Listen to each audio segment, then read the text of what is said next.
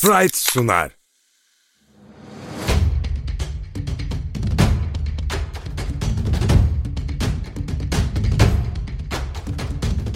Top yalan söylemez.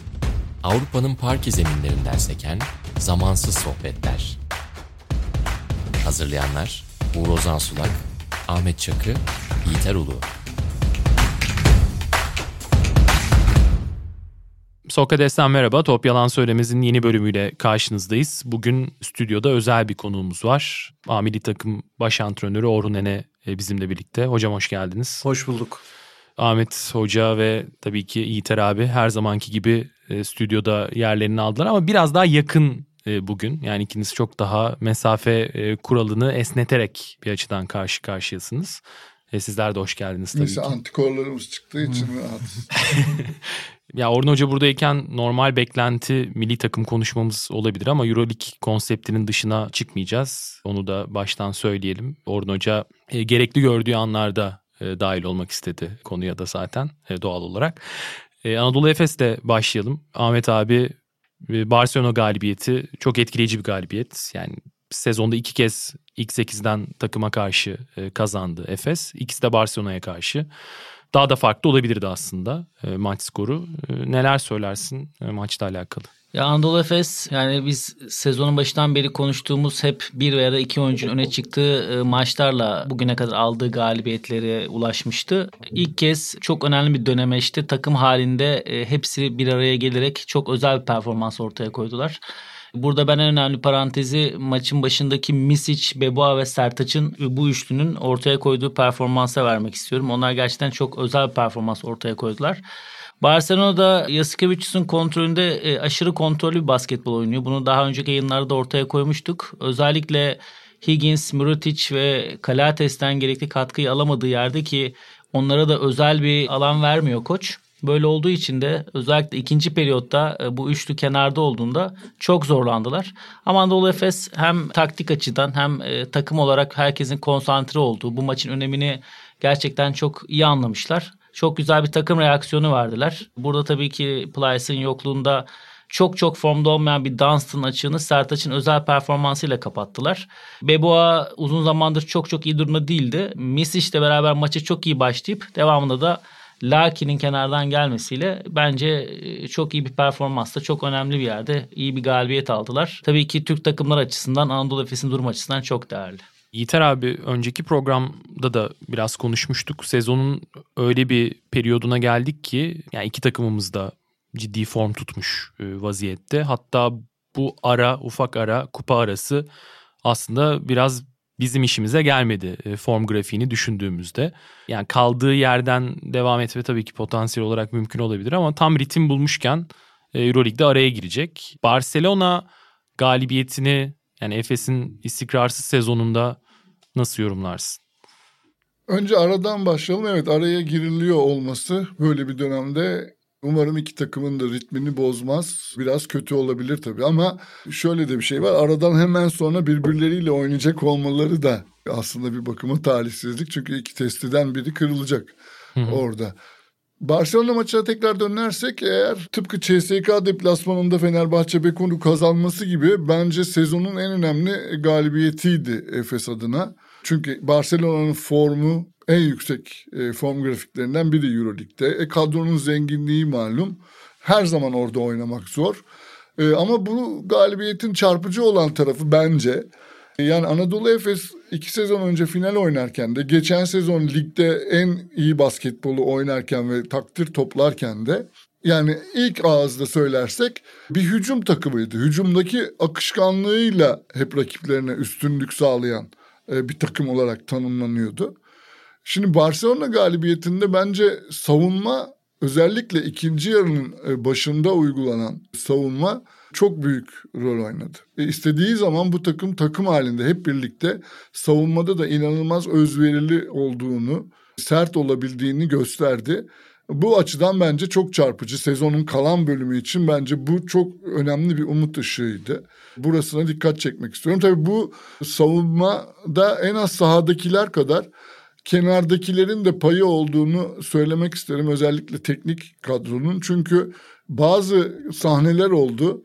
Yani savunma o kadar iyi hücumu okumuştu ve o kadar iyi Barcelona'nın ne oynayacağını biliyordu ki ne yaptılarsa hiçbirinde bir delik bir gedik bulamadılar ve sonunda el üstünden çok zor bir şutla artık sıralarını salmak zorunda kaldılar. Yani top kendi elinden çıksın diye o hücum kullanılmış oldu Barcelona adına. Bu çok etkileyici bir görüntüydü.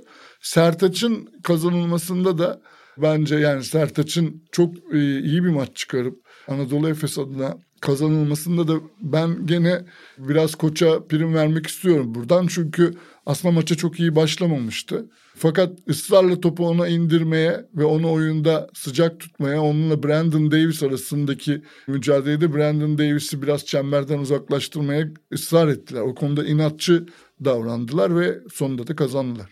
Hocam siz Barcelona maçı özelinde ya da Efes'in genel sezon performansına dair e, bir şeyler söylemek ister misiniz? Ya öncelikle şunu söyleyeyim. Tabii ben bir Euroleague seyreden bir antrenör gözüyle o kimlikle değerlendiriyorum. Bir kere Anadolu Efes'in bana göre Fenerbahçe Beko'da yaşadı bu süreci. Sakatlıklar ve pandemide koronada ortaya çıkan takım halinde beraber antrenman yapamama. Yani ben sezon başında Tofaş'ta da çalıştığım için e, o sürecin ne kadar zor bir süreç olduğunu e, yakınen de o süreçte bulunduğum için de bunu gözlemledim. Ne kadar siz e, Efes, Anadolu Efes kendi kadrosunu geçen sezondan da bu sene koruması onlar için önemli bir avantaj ama bir araya gelmediğinizde oyuncular tam sağlıklı olmadığında beraber çalışamadığınız zaman bir kere onları bana göre en büyük challenge onlar için eski bu işte pandemiden önceki o Euroleague'i en büyük favorisi oldukları o seviyeye gelecekler mi gelmeyecekler mi? O tartışılıyordu ama Barcelona maçındaki sahadaki işte bu süreçte oyuncuların sağlıklı olduğunu görüyoruz. Belki hala Plyce yok.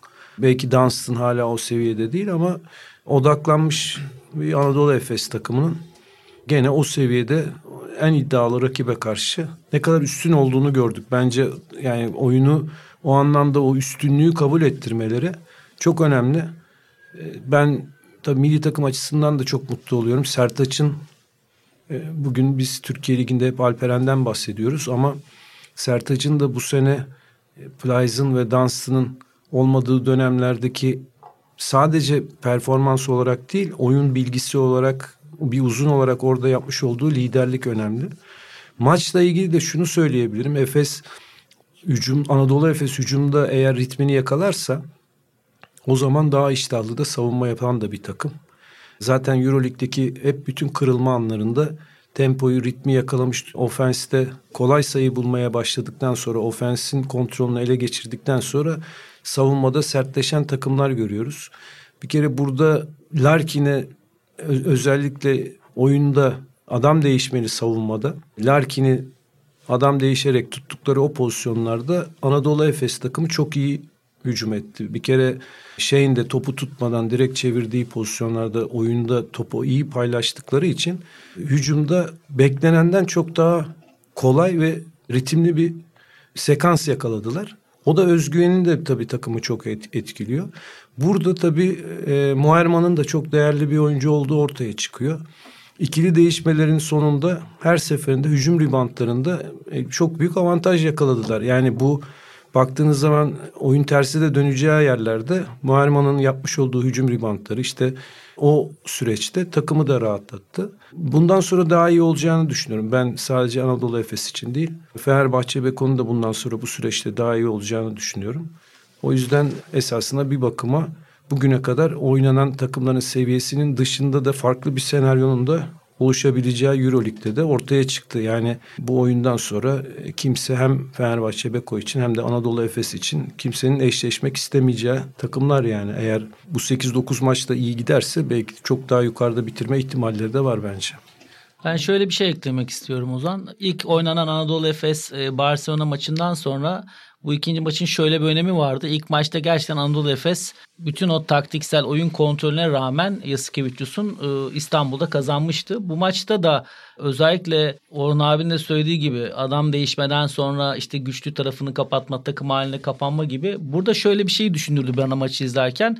Bir tarafta tamamen kontrol eden taktiksel bir anlayış. Diğer tarafta da tamamen yalın oyuncuların pür yeteneğini e, net bir şekilde kullanan bir takım Anadolu Efes. Tabii ki taktiksel bir anlayışla beraber.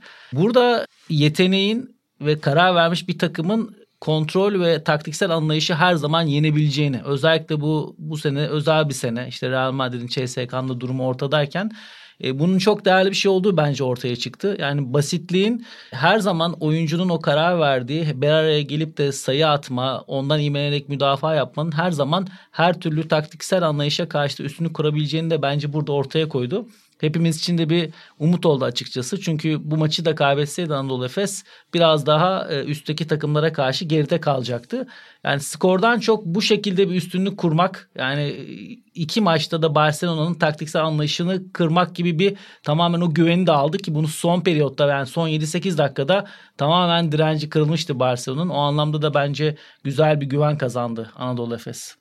E, Sertaç'la alakalı biraz e, isterseniz konuşalım. E, Orhun Hoca zaten e, milli takım bağlantısından da söyledi. E, Ahmet abi benzer şekilde yani önceki iki maçlık periyotta birlikte çalıştınız. Şu anki form durumu e, o dönemle karşılaştırdığımızda çok daha yukarıda. Tabii hastalığı atlatması, burada belki Dunstan'ın takımdaki eksikliğinin iyice hissedildiği dönemde üzerinde bir de Plyce'ın yokluğu eklenince Sertaç da kişisel kariyerinin maçın önemini de düşündüğümüzde en iyi performanslarından birini ortaya koydu. Efes'in yavaş yavaş o geçen sene sahada kim olursa katkı verir. Hani biraz böyle Spurs'ü e, hatırlatan sahaya kim girse rotasyonda e, iyi katkı beklersiniz e, diyebileceğiniz kimliğini tekrar kazanmaya başladığını mı görüyoruz? Yani Sertaç'la beraber Beboğa da mesela bu maçın başında belki çoğu kişi Larkin Misic'ten bir performans beklerken Beboğa ve Sertaç'ın ilk beşte başlayıp böyle performans ortaya koyması çok değerli. Yani bilmiyorum çok e, geçmişe bakmadım ama o salonda Barcelona'ya karşı en iyi Türk oyuncu performansı olabilir sanırım Sertaç'ın ortaya koyduğu. Yani Dunstan geçen yıl sakat başladı sezona. Çok başta sakatlandı o gelene kadar çok büyük sıkıntı çekeceklerini düşünüyorduk. Ben kendi adıma en azından öyle düşünüyordum ama Plyce Sertaç orayı çok iyi geçmişti. Şimdi Plyce'ın yokluğunda Dunstan da formda değilken ki hafta sonu Beşiktaş maçında da çok iyi performans ortaya koymamışken belki Yiğiter abinin söylediği gibi burada teknik kadroya da bunun hakkını vermek lazım. Bu hazırlığı yani şimdi Barcelona deplasmanına gittiğinizde Sertaç'ı oraya hazırlamak ki bence hücum hep konuşuyor da müdafada çok iyi iş yaptı. Özellikle o ikili oyun müdafaa anlayışını Dunstan'dan da iyi yaparak çok büyük bir katkı da sağladı. Anadolu Efes'te bence daha önce konuştuğumuz Mayıs ayına gelirken artık Final Four geçen sene biz bunu kazanacakken elimizden alındı. Şimdi o döneme yaklaşıyoruz algısı ve konsantrasyon oluşmuş. Bence en önemlisi bu. E, Singleton da özel bir hazırlıkta sanki Barcelona'ya karşı eski takımına karşı sahaya çıkmış. Çünkü o da çok istikrarsızdı bu sezon. Hatta yani Ergin Ataman'ın en çok ihtiyaç duyduğu dönemde e, bekleneni pek verememişti Singleton. Bu maç farklı oldu biraz. Evet ben Kızıl Yıldız deplasmanından beri Singleton'ın iyi oynadığı bir maç pek hatırlamıyorum. Ben arada. de. Yani Kızıl Yıldız deplasmanında da mecburiyetten 5'e çekilmişti ve orada çok iyi reaksiyon verdi. Böyle kullanılabilir mi acaba hem 4'te hem 5'te diye düşünürken sonra 4'teki yerini de maalesef hızla kaybettiğini gördük. Ama Barcelona herhalde özel olarak o da kendini psikolojik olarak hazırlamış. Umarım o seviyeyi sürdürür çünkü e, sağlam bir e, Singleton'a çok ihtiyacı var takımın. Peki buz gibi gerçek bölümümüzde sorumuza geçiyorum. 2000 2003 sezonunda Euroleague'de 2003'te Türk takımlarından birinden normal sezon MVP'si seçilen oyuncu kimdir? O dönem biliyorsunuz hem normal sezon Marcus, hem top 16. Marcus Brown mu? Değil. 2003. Ülkerden biri mi seçildi? Evet. Mirsat Türkcan mı? Yok. Mirsat'ın CSK ile seçildi. Joseph Blair. Evet, tebrikler abi. ata ata buldum üçüncüde. Ama ya yani ben daha net cevaplar bekliyordum açık söylemek gerekirse. Ya yani o şeyi bilemiyoruz ki 2003 deyince şimdi o kadro benim direkt aklıma gelmiyor. O yüzden benzer isimleri arka arkaya söylüyoruz. Yiğiter abi biraz daha iyi hatırlayabilir tabii orada. Orhun Hoca'nın da son sezonuydu galiba değil mi İTÜ'de? 2003. 2003. Öncesi Ülker. Mervin Booker, Joseph Blair'e karşı oynadınız mı abi? Oynamadım onları. O sezon 2001-2002'yi oynadım. 2002-2003'ü oynadım. 2003 sezonu Evet oynamışız demek. Evet oynamışsınız. Ama o puslu o sezonlar. için.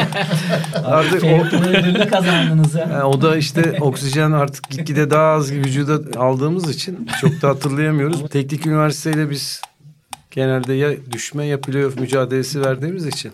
Ama Joseph Blair o sene çok iyi oynamıştı İtalya'dan gelip gerçekten. Melvin Booker mıydı guard? Evet. İkisi beraber gelmişlerdi.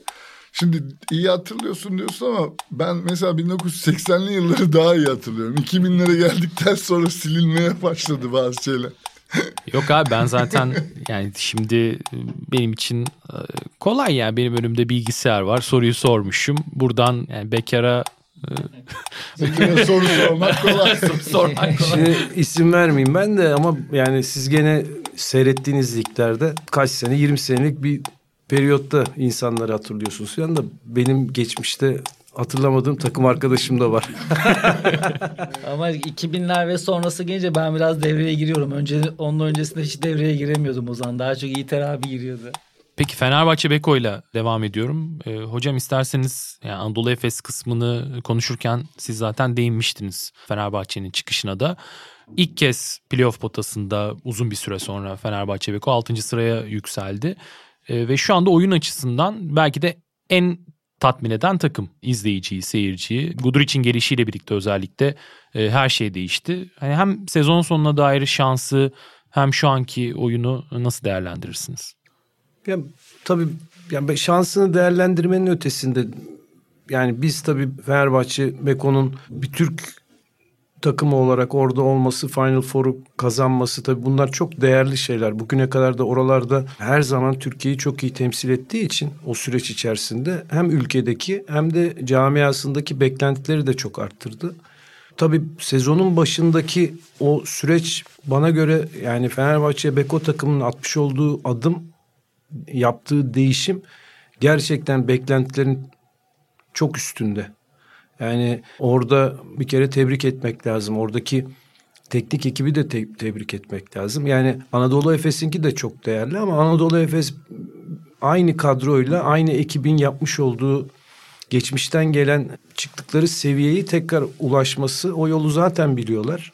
Sağlıklı olduklarında işte bir şekilde oyuncuların performansı o ritmi oraya çıktığında oraya ulaşmak onlar için çünkü Anadolu Efes'in müthiş bir kimyası var. Yani oyuncularla beraber baktığınızda dört tane perimetrede dört tane kısa oyuncusu ligin gerçekten en değerli oyuncuları. Yani onlarla beraber oyuna yön vermek esasında oyuncuların o özelliklerinde yeni kurulan takımlara baktığınızda bana göre daha kolay. Zaten Barcelona takıma da baktığınız zaman işte Kaletes'in mesela geldiğinde orada oynadığı o pozisyonda o rolü nasıl oynaması gerektiğinin arayışı içerisinde. Yani NBA kariyerinde olan bu kadar Panathinaikos'ta oynamış bir oyuncunun şu anda yaşamış olduğu zorluk enteresan. Ama Fenerbahçe Beko'ya baktığımız zaman e, tabii Guduric onların kimyasında yani çok eksik olan bir yeri tamamladı. Ama bununla beraber Veseli'nin de performansı gerçekten o da çok değerli bir oyuncu olduğunu gösterdi. Yani sağlıklı bir Veseli'nin, ritme girmiş bir Veseli'nin. Yani 10 tane Euroleague'de maç kazanmak, yani gerçekten üst üste 10 tane maç kazanmak çok önemli bir istatistik. Bu çok değerli. Ve nasıl oynayabileceklerini arayışı içerisindelerdi. Bence onu da bulmuş durumdalar. Ve bu tabii ileriye dönük de bütün hesapları değiştirdi herkesin bakış açısıyla. Koçu da tebrik etmek lazım. Yani o Eurolig'in dinamiklerini de gördüler. Tecrübeli de oyuncuları var. Ee, onun için ben bu performansın çok değerli olduğunu düşünüyorum. Kokoşko peki yani hangi alanlarda e, fark yarattı size göre? Yani oynamış olduğu bir kere ben şöyle bakıyorum, şöyle değerlendiriyorum. Oyuncuların yani isimleri o kadar önemli değil ama o takım e, yani işte bununla ilgili çok eleştirenler de belki oluyordu ama oynamış oldukları basketbolu bir kere ödün vermeden e, o anlamda o basketbola devam ettiler. Ve oyuncuların da o oyun düzenine ve oyuncuların da o ritme inancı var yani. Bu önemli bir şey. Yani oradaki ısrarları ve oradaki düzene oyuncuların uyumunu onun başarısı olarak görüyorum ben. E, oyuncular ritmi bulduktan sonra bir de eksik bir parça her zaman bir takımda oluyor. Fenerbahçe'nin Beko'nun bu eksik parçası Guduric bu yaratıcı bir kısa olarak oraya geldiğinde bence o sorunu çözmüş oldular. Yani inşallah bu şekilde devam ederler. Ahmet abi. Ben Zenit maçının özelinde konuşmak istiyorum. Fenerbahçe ile ilgili görüşlerimizi daha önce de belirtmiştik zaten. Zenit yarı saha takımı. Yarı sahada oynamayı tercih eden bir takım. Fenerbahçe'de özellikle Guduric'ten önce de şu anda da enerjiyle açık sahada sayı bulduğunu daha rahat eden bir takım. Maç Zenit'in istediği tempoda oynandı. Yani daha çok yarı sahada oynandı. Ama buna rağmen tempoyu dikte edemese de yarı sahadaki hücumda da Fenerbahçe daha başarılı olarak, daha üretken olarak maçı kazandı. Burada da Dekolo ve yanına yine Gudur için kalitesi çok belirleyici oldu. Koç Pascual alan müdafasıyla başladı ilk iki pozisyonda. Bunun da amacı bence hem tempoyu kontrol etmek hem Fenerbahçe Beko'nun daha önce yaşadığı alan müdafasına karşı sıkıntı. Aynı zamanda da ilk iki hücumda hep özel bir hücum hazırlıyor Fenerbahçe her maçta. Onu da elinden almaktı bence koçun. Ve o iki topta da sayı yemediler. Bence maçın devamındaki o ritmi kontrol etme adında da o önemliydi. Fenerbahçe Beko'da e, bence çok iyi bir şey yaptı. Pangos'u devre dışına çıkarttı. O full court'tan run and jump dediğimiz double team'le topu elinden çıkartıp tekrar oyuna girmesini engelledi. Ki Zubko ve Will Thomas'la oyunu açmak isteyen bir anlayışla başladı Zenit maça. Orada da Will Thomas'ın soktuğu üçlüklerle çok da iyi başladılar. Yani her ne kadar iyi durumda da olsa her zaman o şutları o yüzeyle sokabilen bir oyuncu değil. Ama önemli olan Pangos'un bunlara eşlik etmemesiydi. Bunu da Fenerbahçe Beko maç boyunca başardı. Maçı içinde alan müdafasını biraz yayarak kullandı ama dördüncü periyotun başında başladığı anda bir 5 sayılıkta bir fark yakaladı orada Zenit. Ondan sonrası biraz kritikti. Orada da yine Guduric ve Melih'in ikisinin e, çok kritik iki tane attığı sayı var takım halinde üreterek. Fenerbahçe Beko bence kendi istediği şartlara maçı taşıyamasa da kalitesini ortaya koyarak yarı sahada da bu ligin iyi takımlarından yani Zenit yarı sahada hem müdafayı hem hücumu iyi yapıp her takımla sonuna kadar oynayabilen bir takım. Yani Barcelona ile CSK ile hepsiyle oynayan bir takım. Bence bu Fenerbahçe Beko adına çok güven verici bir maçtı. Hem de alan müdafası bugüne kadar her karşılaştıkta zorlanıyorlardı. Onu da aştılar. Bazı bölümlerinde zorlansalar da ve üst üste gelen galibiyetlerle playoff'ta bence çok iyi bir yer edinerek avantajlı bir şekilde girecekler. Bence çok değerli bir galibiyet.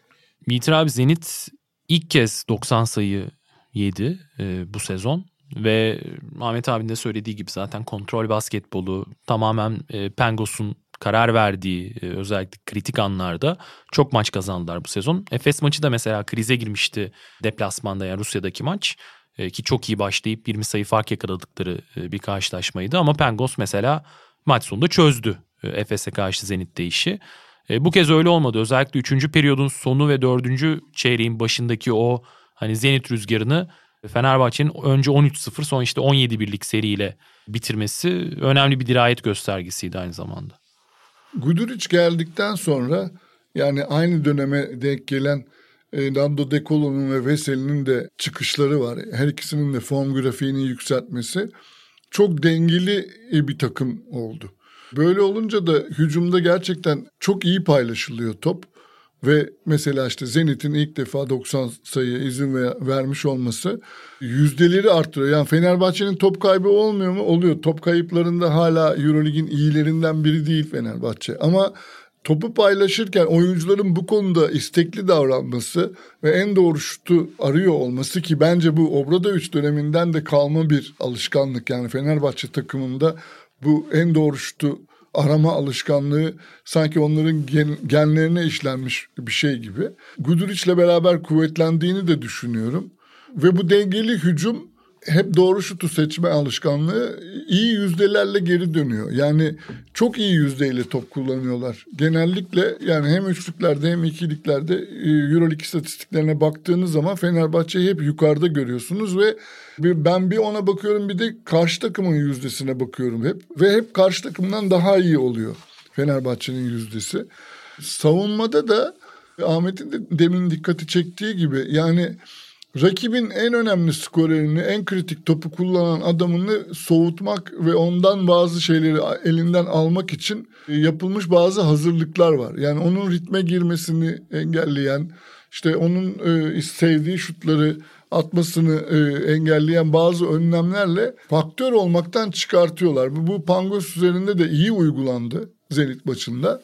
ve başarının anahtarlarından biri oldu. Şimdi üst üste kazanılmış 9 maç e, hakikaten çok etkileyici ve sıradaki maç da içeride Alba Berlin maçı. Yani 10 olmaması için hiçbir sebep yok. E, daha önce de burada söylemiştik yani Şubat ayı bittiğinde Fenerbahçe'yi puan sıralamasında ilk dördün içinde görebiliriz. Evet hocam sorulara geçmeden önce Fenerbahçe Beko ile alakalı tekrar dönüş yapayım size.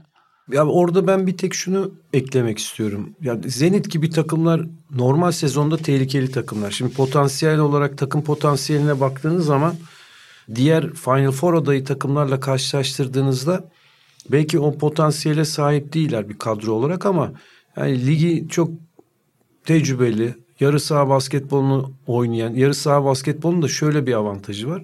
Riske girmiyorsunuz. Yani eğer yarı saha basketbolundaki oyuna üretebilecek aklı olan oyuncular olduğu zaman o zaman bir şekilde takım kendi limitleri içerisinde en doğru atışı yap, bulabiliyor. Ve Zenit takımı zaten buraya kadar gelene gelene kadar da bence o başarıyı göstermiş bir takım. Yani herkes iniş çıkış gösterirken onlar e, oyunu iyi kontrol ettiler. Az hata yaptılar.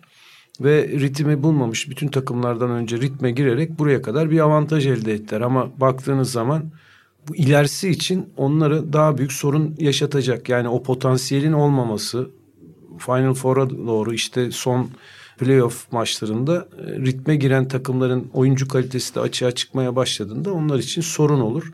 Ama şeyi baktığımızda Fenerbahçe Beko'yu da şöyle farklı bir basketbol olarak görüyorum ben Euroleague'e baktığımda. Bir kere açık alan oyunu basketbolu oynuyorlar. O değerli. Çünkü onlar o kimlikli kimliğinin dışında bir oyun oynamaya kalktığı zaman da bir sürü oyuncunun da yani Dekolo gibi oyuncular, Goodrich. açık alan Gudric gibi oyuncular, açık alan basketbolunda değerli oyuncular. Lorenzo Brown hem birebir olsun hem açık alan basketbolu olsun. Ve bana göre Sivic'e karşı da yani adam değişmeye karşı da çok iyi hücum ediyor Fenerbahçe. Euroleague'de bu da değerli. Yani Fenerbahçe'yi bozmak da kolay değil. İyi savunma yaptıkları her maçta ritmi yakaladıklarında açık alanda her takımı yenebilecek potansiyeli var yani Fenerbahçe Beko'nun. Onun için e, çok sevindirici böyle bir büyük bir adım atmaları. İnşallah bundan sonra da sağlıklı bir takım olarak da üstüne koyarak gideceklerine inanıyorum ben. Sorulara geçiyorum. Çok fazla soru gelmiş. Öncelikle teşekkür edelim e, ilginiz için. Bazı sorular belki biraz hani, hızlı geçebiliriz. O yüzden hani baştan bir şerh düşeyim ama Ahmet abi sana gelen kişisel bir soru var. Ee, onunla başlayayım istersen. Steve Nash kullanıcı adlı dinleyicimiz sormuş. Ee, Ahmet abi için kişisel bir sorum olacak. Alba Berlin'de head coach olduğu dönemde takıma kazandırdığı yenilikler sayesinde Alba'nın bugün bu seviyede olduğunu düşünüyorum. Ee, neden Ahmet abi yurt dışında farklı takımlar için çalışmayı düşünmedi ya da gerçekleşmedi? Ya Alba Berlin'de ben çalıştıktan sonra işte Koç Reneses geldi. Yani o bir kere kendi yapısını kurup işte önce Euro Cup finali üzerine de Euroleague'de iki yıldır çok başarılı oluyorlar. Bunun üzerinden burada şimdi benim bir payım var demek çok doğru olmaz bence. Ama e, sorunun devamını cevaplayacak olursak yani Avrupa'da ben çalışmayı tekrar istiyorum. E, açıkçası geçen yazda bazı takımlarla bayağı yakınlaşmıştık ama pandemiden dolayı birçok takım bu sezonu biraz ölü sezon gibi gördüğü için ekonomik şartlar kulüplerin hedefleri farklı. Tabii ki çalışmak istiyorum ama e, şimdi bu yazdan sonra bir kartlar tekrar dağıtılacak bütün Avrupa basketbolunda hem ülkelerin içerisinde hem ülkeler arasında. E bir orayı görmek lazım. Yani şu an için milli takımda olmaktan ben mutluyum. Yani bu hem ülkemize hizmet ederken hem hani Orhun abi burada diye söylemiyorum ama Orhun abi gibi koçla çalışırken hem de yeni bir kabuk değiştiren bir takım parçası olmak aynı zamanda da basketbolun içinde olmak benim için değerli. Ama Avrupa'da çalışmayı tekrar düşünüyorum ama Alba Berlin'in şu andaki başarısında benim bir payım yok onu da dürüstçe söylemek lazım. Erman Bey'in sorusu fikstürü ve form durumlarını göz önünde bulundurarak temsilcilerimizin sezonu kaçıncı sıralarda bitireceğini düşünüyor ve Final Four şanslarını nasıl görüyorsunuz demiş Erman Bey. Ahmet abi senden Yiğiter abiye geçeyim. Son iki aya bakarsak eğer iki takımın da Final Four oynaması bu form grafikleriyle hiç sürpriz olmaz. Dileyelim önümüzdeki haftalarda da sağlık durumlarını özellikle önce sağlık durumlarını sonra da form grafiklerini korusunlar. Ben Fenerbahçe Beko'nun fikstürünün biraz daha kolay olduğunu e, düşünüyorum. Eğer Fenerbahçe Beko Efes maçını iki hafta sonra kazanırsa Ataşehir'de O zaman ilk dörde çıkabileceğini düşünüyorum Fenerbahçe'nin. Dördüncü sırada bitirebileceğini düşünüyorum. Umarım 4-5 bir Türk eşleşmesi olmaz. O yüzden bir sıra aşağıya koyayım Anadolu Efes'i 6 diyeyim. Yani böyle bir tahminde bulunayım. Ahmet abi sen Ya ben e, Milano, Anadolu Efes, Fenerbahçe, Beko bu üç takımın ben çıkışla beraber ilk dörtte e, olacağını ilk dörtte olamayan da beşinci olacağını düşünüyorum. Yani 4-5 eşleşmesi her türlü her zaman zaten en zorlu ve en çekişmeli olandır. Ama Fenerbahçe Beko gerçekten bir çıkış bekliyorduk. Herkes bekliyordu ama 9'da 9 ve hala birçok maç olması ben ilk dörtte olacaklarını düşünüyorum. Anadolu Efes'in de birazcık fikstürü daha zor gözükse de onların avantajı da beraber olmak. Karar verdiklerinde her maçı yenebilecek seviyede olduğu için onlardan da ben bir benzer seri bekliyorum açıkçası. Benim de fikrim bu yönde. Peki demin Yiğiter abinin söylediği Fenerbahçe Beko Anadolu Efes eşleşmesiyle alakalı bir soru var. Ebu Bekir Arı sormuş. Fenerbahçe Beko'nun yakaladığı 9 maçlık serinin 10 olacağını düşünüyorum. Fakat 11. maç yani Efes maçı çok kritik. Anadolu Efes Fenerbahçe Beko'ya karşı çok ters gelen bir takım.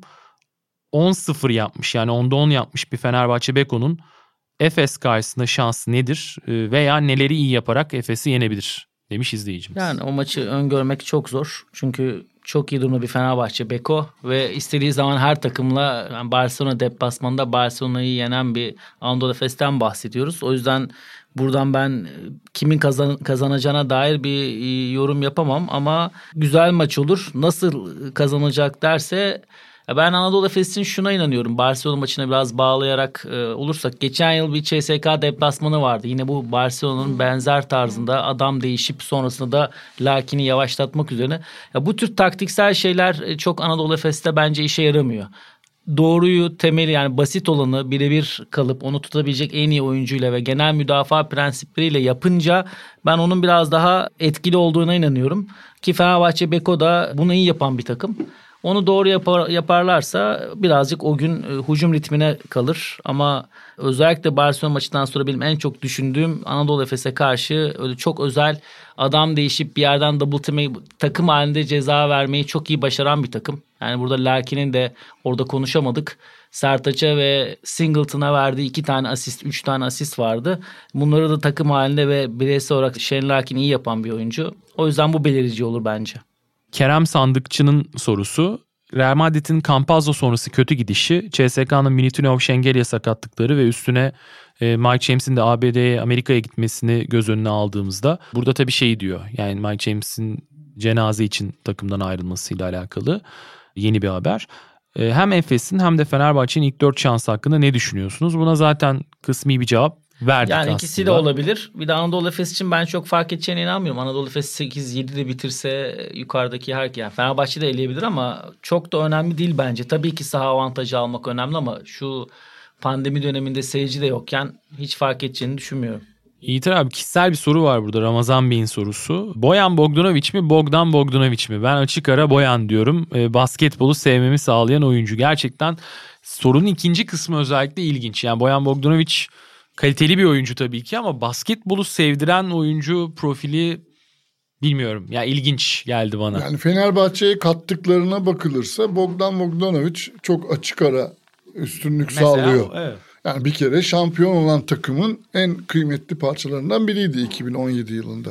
Yani Bogdan Bogdanovic o açıdan herhalde taraftarların gözünde özel bir yere sahiptir. Ama Boyan Bogdanovic'in değerinden bir şey götürür mü bu? Hayır o da iyi bir şutör ve zaten bunu da NBA'de ispat etti. Ama sanırım Fenerbahçe taraftarlarının çok büyük bir kısmı Bogdan Bogdanovic'i tercih ederler. İstanbul'da bir de gece kulübü işletiyorsanız Boyan Bogdanovic daha iyi bir e, seçenek olabilir. Ben. Peki e, hızlıca geçiyorum bu bölümü. Kansa Vakı'nın sorusu. Bobby Dixon'ın Euroleague rotasyonunda Melih ve Alex Perez'in önünde olması gerekmiyor mu? Neden takımı bu, bu gidişinde Bobby takıma dahil edilmedi? Ahmet abi. Ya bir kere koç Dekolo'yu oyun kurucu olarak kullandığı için Dekolo Guduric yan yana. E, Lorenzo Brown da kenardan geldiğinde yani tam olarak guard kullanmasa da çok kısıtlı sürede Perez'i ve biraz da Bobby Dixon'ı kullanıyor. Melih ile aynı pozisyonu değil bence.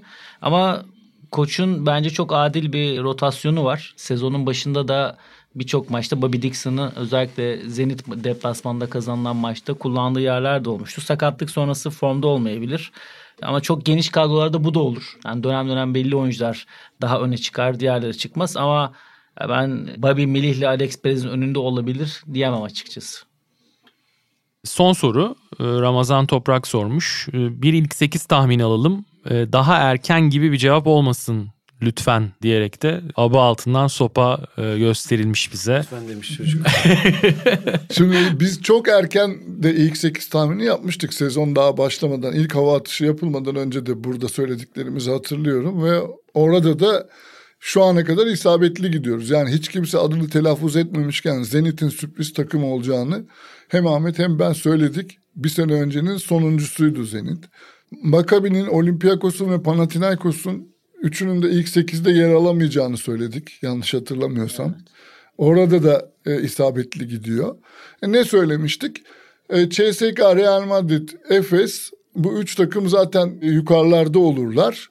Bunların arkasından dördüncü sıraya Barcelona ile Milano'nun çekeceğini söylemiştik. E, bu şekilde iddiada bulunduk. Barcelona herkesi geçti en tepeye çıktı. CSK ile Real Madrid istikrar tutturamadılar. E, Efes de zor bir dönemden geçti. Bizim tahminlerimizden herhalde yanıldığımız diyebileceğim yani biz Bayern'i buraya koymadık. Bayern Münih'i ilk 8'e koymadık. Onun yerine Baskonya'yı oraya yakıştırmıştık. Baskonya aşağıda kaldı. Bayern yukarı çıktı. Orada yanılmış olabiliriz. Ben şu anki sıralamanın yani şu anda ilk 8'deki takımların aynen korunacağını ve ilk 8'in bu takımlardan oluşacağını düşünüyorum. Yani hem Efes'in hem Fener'in ilk 8'de olacağını, Zalgiris'in, Valencia'nın, Bas Baskonya'nın dışarıda kalacağını düşünüyorum. Ama ilk 8'in sıralaması için şu anda işte onu söylemek için biraz erken. Yani e, ilk sekizde hani Türk takımlarını birini dördüncülüğe yakıştırdık, birini alt, altıncılığa yakıştırdık. Hani gönlümüzden geçer sanki biraz Bayern'le Zenit'in aşağılara düşmesi gibi ama Real Madrid'de düşebilir yani bu gidişle. Ben Anadolu Efes'le Fenerbahçe'nin de Zenit'in üzerinde olacağını düşünüyorum sıralamada. Zenit'te bir düşüş olacağına inanıyorum. Zaten birkaç tane üst üste de kaybettiler. Ben Maccabi Tel Aviv'i bu sene geçen yılı devam ettireceğini düşünüyordum. ilk 8 adına ama onlar biraz geride kaldılar. Bir de ben sürpriz takım Zenit'in dışında Kızı Yıldız'ı kadro itibariyle öne çıkarmıştım ama onlar da orada da ben yanılmışım. Orada bence bir tek Zalgiris'le Baskonya'nın ilk 8 için sonuna kadar mücadele edeceğini düşünüyorum. Yani 8. takım bunlardan birisi belki olabilir. Bayern'i out edebilirler. Ama onun dışında ben de bir değişik düşünmüyorum. Anadolu Efes ve Fenerbahçe'de bence ikisi de veya biri de ilk dörtte olacak. Peki çok teşekkürler. Hocam siz de çok sağ olun. Ahmet Hoca ile birlikte size de iyi şanslar e, diliyoruz önümüzdeki önümüzdeki maçlar için. Peki bu haftalık bu kadar. Top yalan söylemezden gelecek hafta yeniden görüşmek dileğiyle. Hoşçakalın. Sprite sundu.